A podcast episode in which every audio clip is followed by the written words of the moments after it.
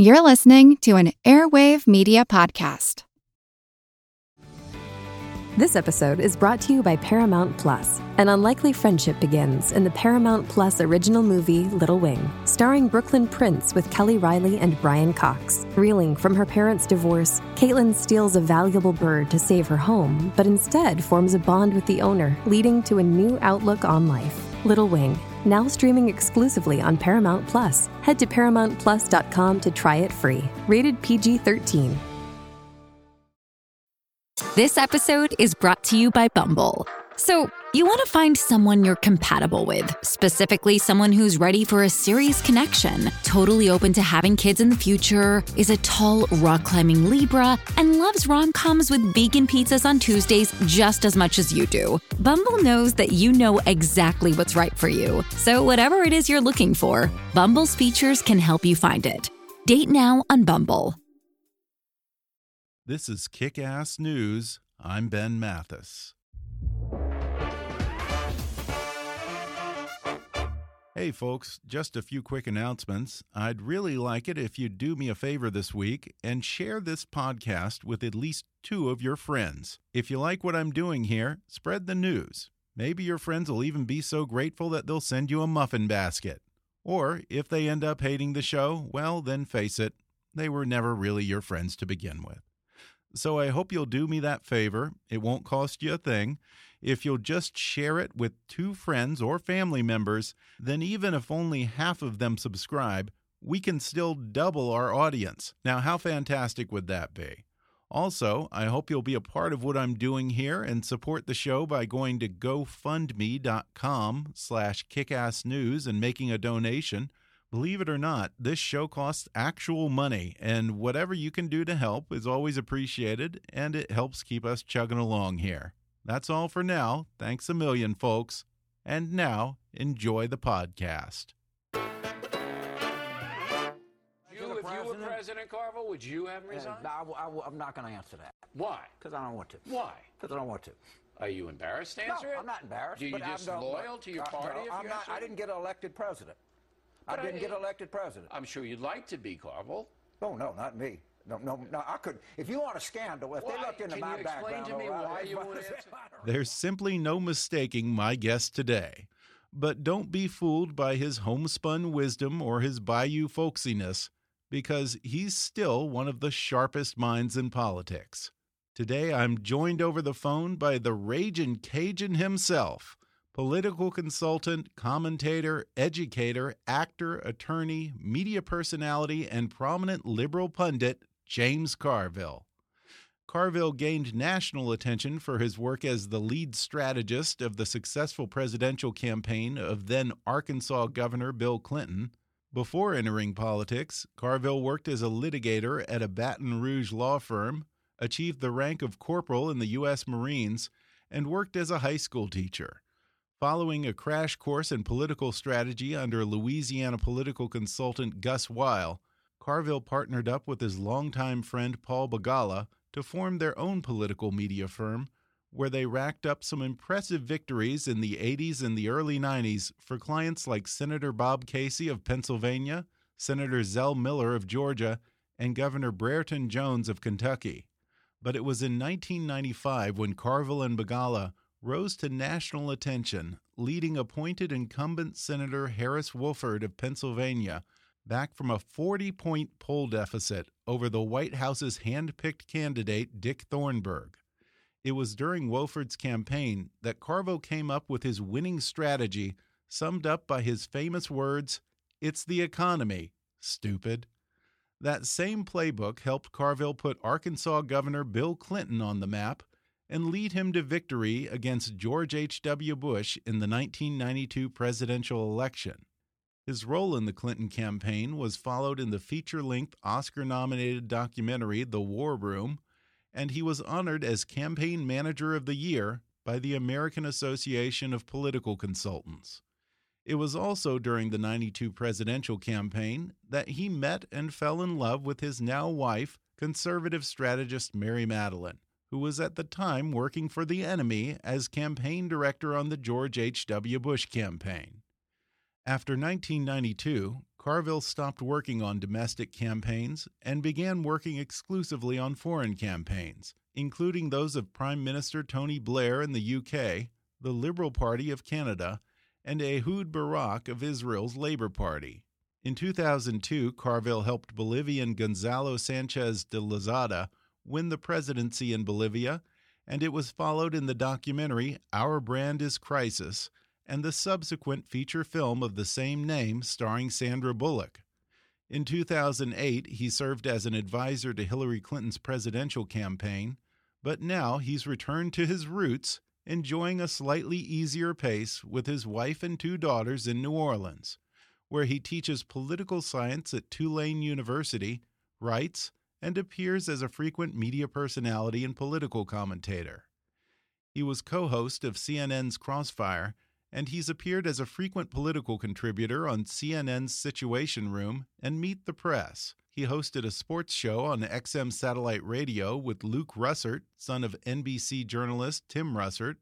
And in 2003, he earned his acting chops starring alongside his wife, Mary Matalin in their own HBO dramatic TV series from executive producers Steven Soderbergh and George Clooney called K Street. You've also seen James Carville in other TV shows like Family Guy, 30 Rock, King of the Hill, The Muppets, Mad About You, and Spin City, as well as feature films, including The People vs. Larry Flynt, Wedding Crashers, and Old School. He's the author of a dozen books, including We're Right, They're Wrong, a handbook for spirited progressives, Buck Up, Suck Up, and Come Back When You Foul Up, and Take It Back our Party, Our Country, Our Future, as well as All's Fair and Love War and Running for President, which he co authored with his wife Mary Matalin, and the follow up to it called Love and War 20 Years, Three Presidents, Two Daughters, and One Louisiana Home. His newest book is sort of an update and a sequel to his 1996 bestseller, We're Right, They're Wrong.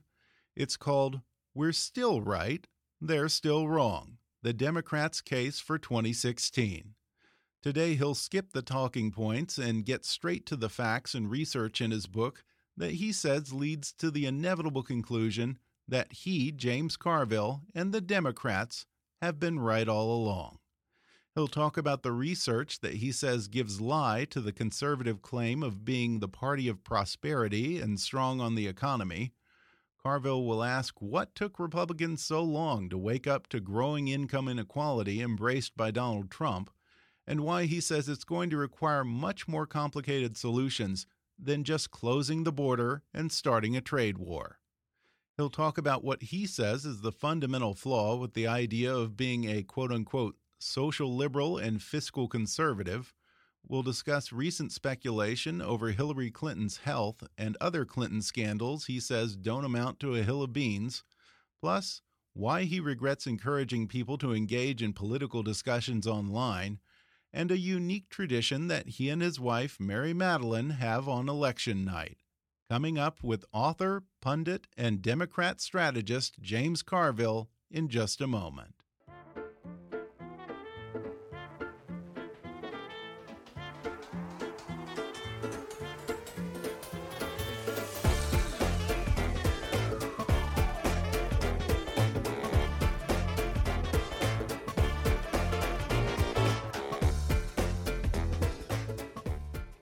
Today I'm joined over the phone by the Raging Cajun himself, political consultant, commentator, educator, actor, attorney, media personality, prominent liberal pundit, James Carville.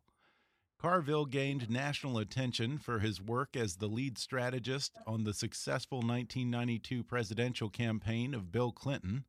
James Carville and that campaign were followed in the Academy Award nominated documentary The War Room it was also during that campaign that he met and fell in love with his now wife, conservative strategist Mary Matalin, who was working for the enemy as campaign director for the George H.W. Bush campaign. Carville was a co host of CNN's Crossfire until its final broadcast in June 2005, and since then he has appeared on CNN's news program, The Situation Room. He currently teaches political science at Tulane University and he's the author of a dozen books, including his latest, which is titled We're Still Right, They're Still Wrong The Democrats' Case for 2016. I'm thrilled to finally have him on the show. James Carville, comment ça va? Oh, how you doing? I'm well. I'm doing all right.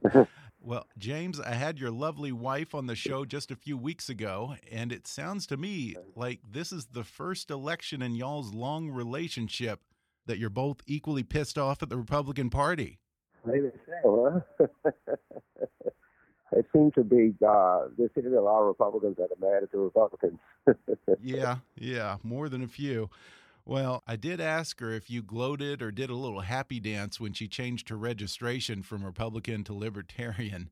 She said you were a pretty good sport about it. You know, I don't, I don't. Uh, that's her business. It's her life, her politics, her political choices are her business, not mine. So yeah. Just between yeah. you and me, James, on the inside at least, did you consider her re-registering as a libertarian at least a small victory for you? No, I don't think so. I mean, I don't. Again, you know, if she has political choices. She has her own political philosophy, and I think she registers in a way that she she lines up with that. I I just generally don't. Her politics is her own business, and we've been around for 23 years, and I kind of view it that way. Well, I enjoyed the book because I'm someone who gets real sick of talking points, and you've loaded this book up with data and research, not just jargon. But many of us have this sense that no one cares about facts in this election anymore. Do facts still matter? You know, uh, that's a, you know, that's why I used the opening uh, thing about the 2.6 billion data points in a snowball. I'm not sure that they do. In fact, there's a lot of political science, there's a lot of research that says the more factual you are, the more it causes people to dig in. Uh, you know, the psychologists have this idea called the Dunning Kruger effect, which says the more someone's beliefs are challenged and confronted by facts that contradict their long held beliefs, the more they're going to dig their heels in and double down on those beliefs. Is that what's going on here? Uh, yeah, I mean, the, the, a big talking point just got blown out of the water today when you know household income growth went up like over five percent.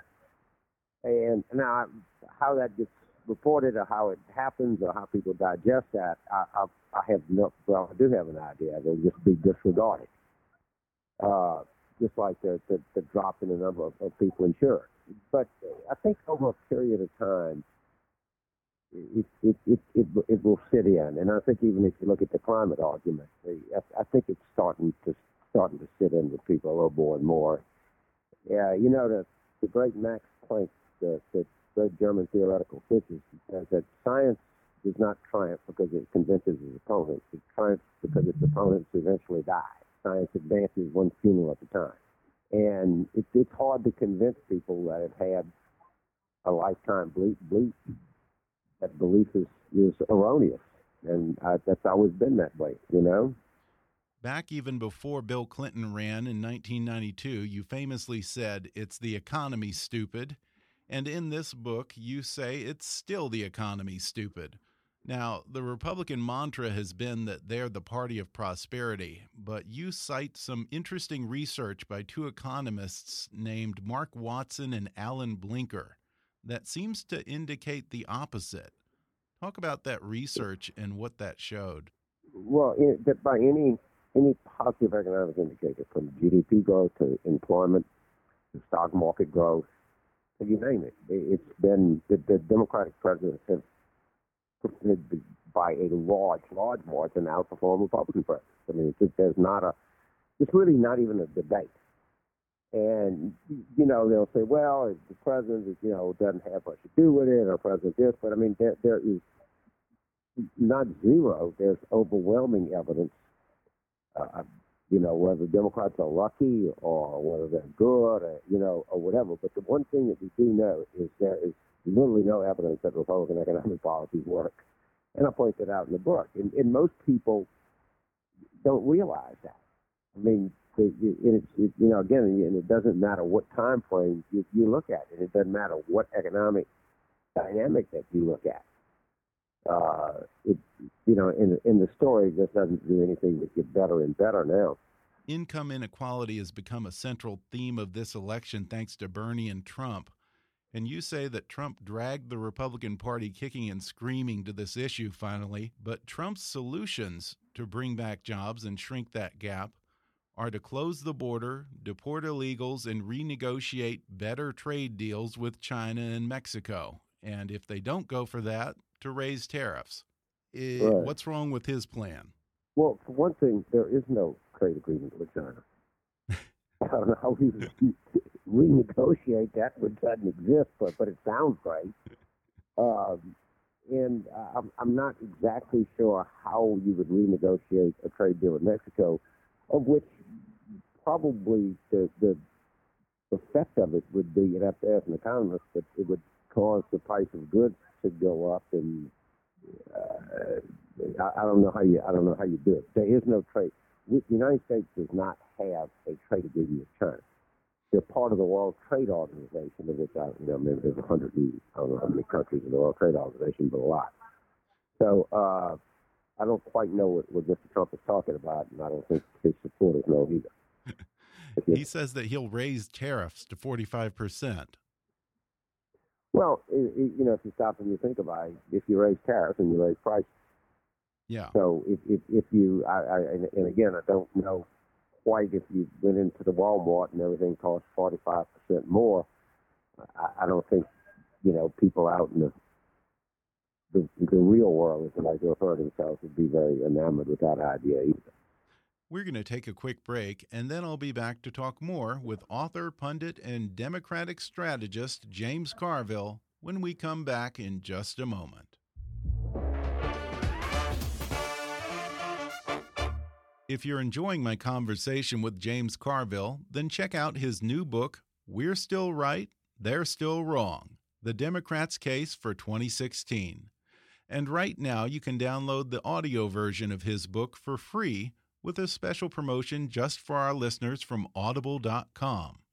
Just go to audibletrial.com slash kickassnews for a free 30-day trial and a free audiobook download, which can be We're Still Right, they're Still Wrong The Democrats' Case for 2016 by my guest today, James Carville, or any of Audible's 180,000 titles. That's audibletrial.com slash kickassnews. Or click on the sponsor link on our webpage to download the free audiobook of your choice. And now, back to the show. Now, if you ask most people where they stand politically, they say, I'm socially liberal, I'm fiscally conservative. It's almost become kind of a cliche on the level of saying I'm spiritual, but I'm not religious. You know? you say the people who say they're socially liberal and fiscally conservative are, in your words, the I'm with stupid t shirt of politics. What's wrong with being a social liberal and a fiscal conservative?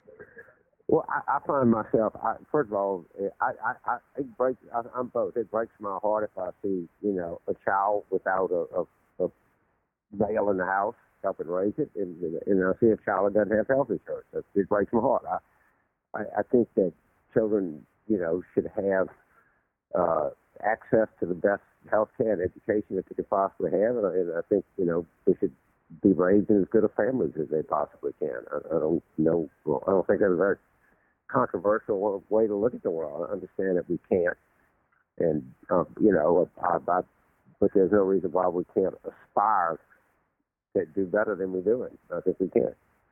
I, yeah. And I don't. Uh, when I say when I say a, so when I think of social, I mean I think the idea that that you know being lax children not having an advantage of good parenting is what bothers me. And and you say that the problem is these people who say they're social liberals and fiscal conservatives tend to vote Republican more than Democrat. Well, yeah, that's the truth. Like I'm, a, I, I, I am a Republican, so I'm a social liberal uh, uh, in that I don't have anything against gay people. Great, I don't no fall 100 percent for gay marriage, but I, I really don't wear. I really don't care if a child has to go to school with a toothache. I don't want to pay to have that child's teeth fixed. Well, I don't, I don't think a toothache is, is the greatest learning tool that exists for young people. Well, let me ask you this. If those people switch from the Republican Party to libertarian, like your wife, Is that choice slightly less stupid and more consistent with the values of a social liberal and a fiscal conservative?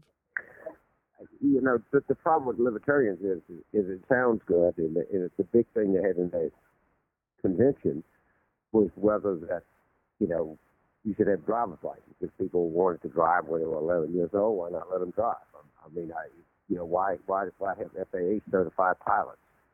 If, if, if somebody wants to get an airplane and fly and you want to fly with them, why is that any of the government's business? Uh, presumably, they're trying to want to dump their sewage in their front yard. Well, that's their sewage in their front yard, and they can do what they want. And the, the wind blows the wrong way, but good the heck with you. I mean, I think it's an idiotic framework when you stop and think about it, tell the truth. Now, you do uh, talk about the wife of your former boss, Bill Clinton. You equate the Ebola scare, anti vaxxers, and the Terry Schiavo right to die case with every scandal that circled around Hillary Clinton from Benghazi to Servergate. Some folks would say where there's smoke, there's fire. So tell me, James, when it comes to scandals and rumors around your friend Hillary Clinton, why is it that there is no there there? Well, uh, what I did, I, I, think in my book, I put a chart as to the number of Ebola stories before the election, then after the election. And I let the chart speak for itself. Uh, I was reading today that the New York Times has run seven stories, negative stories on the Clinton Foundation, and one on Trump's twenty-five thousand dollar donation to the Florida Attorney General. I, I think that's I think it's horrific. I think the Times should be profoundly ashamed of themselves. Well, your friend Hillary Clinton's health has been in the news quite a bit lately, and I've always been the first to dismiss these health conspiracies. Uh, you know, I feel like it's the same thing that they did to McCain in 2008, and that's not fair. But over the weekend, this video came out of her leaving the 9 11 memorial a little bit early, and it appears that the Secret Service is carrying her into a van and she is unable to stand on her own two feet. Now, the Clintons have been your friends of many years. I would assume if she has a serious health crisis, you would be concerned as a friend. Should the American people be worried about Hillary Clinton's health, or is this just uh, still uh, a whole what, lot what of concern nothing? keeps coming up? We know we know exactly what she has. What does she have? from the doctor. She has pneumonia. Okay. Which is not the most uncommon disease known to man. And, you know, campaigning for president is hard. It's easy to get sick. You take all those hands, and, you know, how much hand sanitizer you have to go through. It's a wonder people don't get sicker. It's, I, you know, I don't know what the scandal is, but it must be one. Okay, so you don't think it's something more serious? I don't have any reason to think it's anything more serious.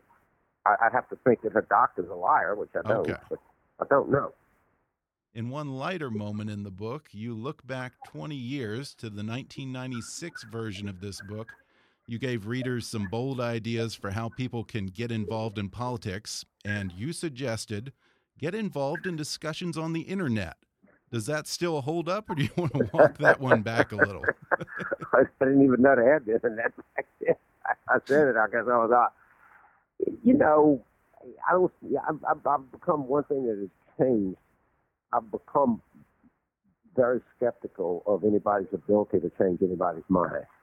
Yeah. I mean, I think in '96 I was a little naive and said, "Here, I presented all these facts. People would, would pick it up, read it, and say, "Well, gee, it's obvious. Why don't I change it?" I, I don't think anybody is going to pick up my 2016 book uh, and say, "Well, gee, I didn't realize this." I mean, some people will that already thought that or felt it, and I've had a lot of people say, "I didn't realize that the economy did that much better than the Democrats." Wow, you know.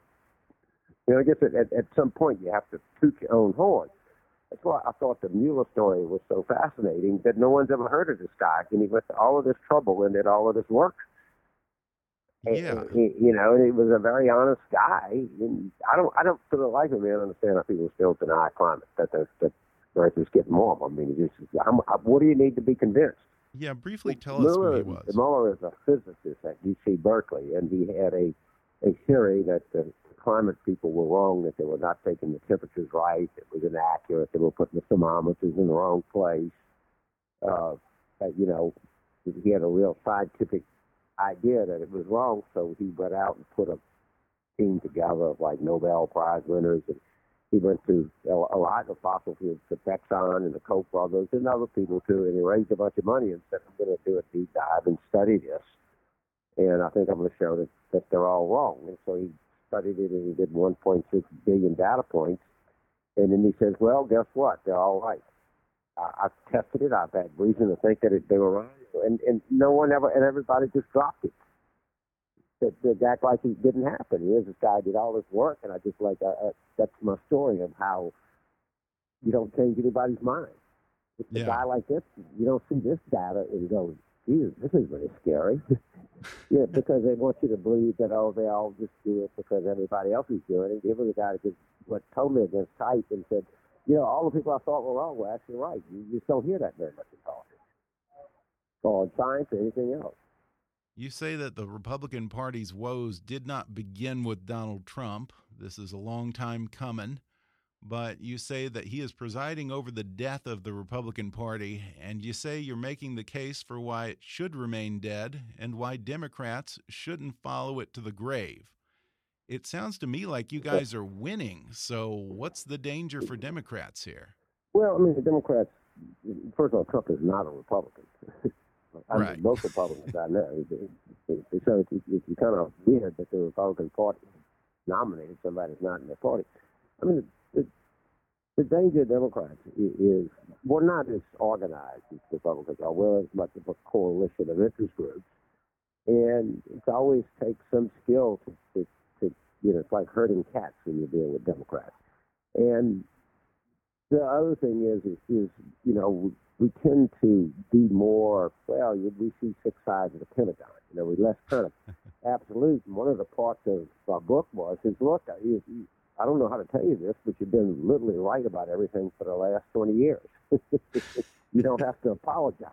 It's okay. You, you're, you, you know, you're being vindicated every day. And uh, most people don't even realize that. You know, gee, I, I mean, I kind of thought so, but I didn't know. You know, just view, and my, that's my point to to say, hey, hey guys, you're winning. Get over it. Yeah, well, it, it must feel good to be right. You know, Donald Trump thinks that he's right all the time, too, though.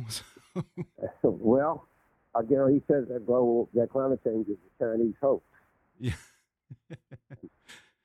Well, here we are less than two months from Election Day, and I was amused to read about a little election night tradition that you and your wife have. Apparently, she watches the election results in a room with her friends, and you watch the returns with your group. I think you said you call it Carville Kosher, huh?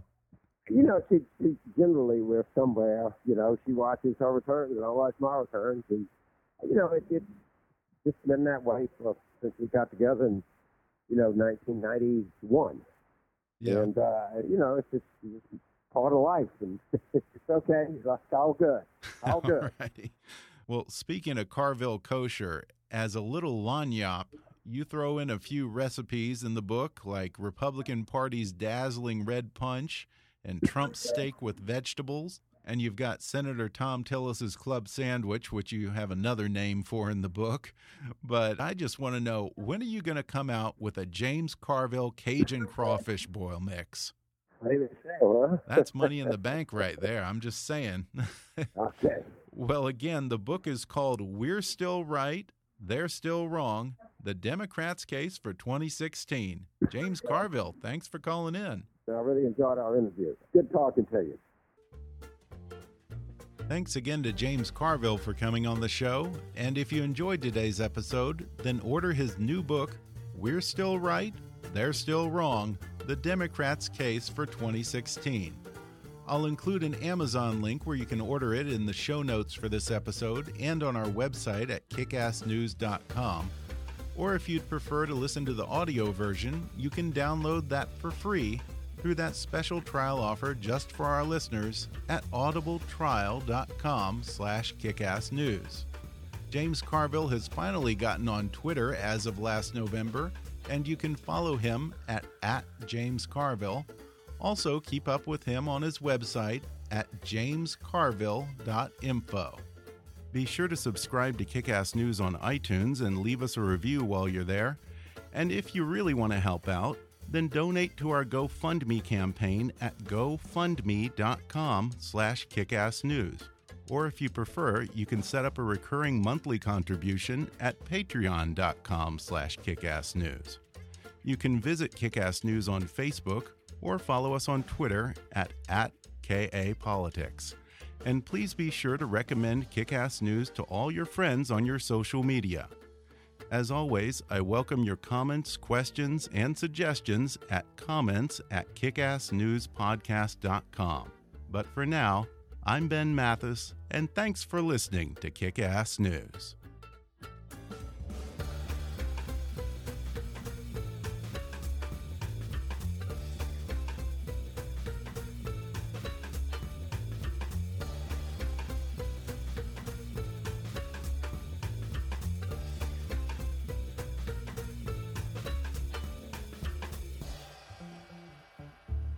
Kickass News is a trademark of Mathis Entertainment, Inc.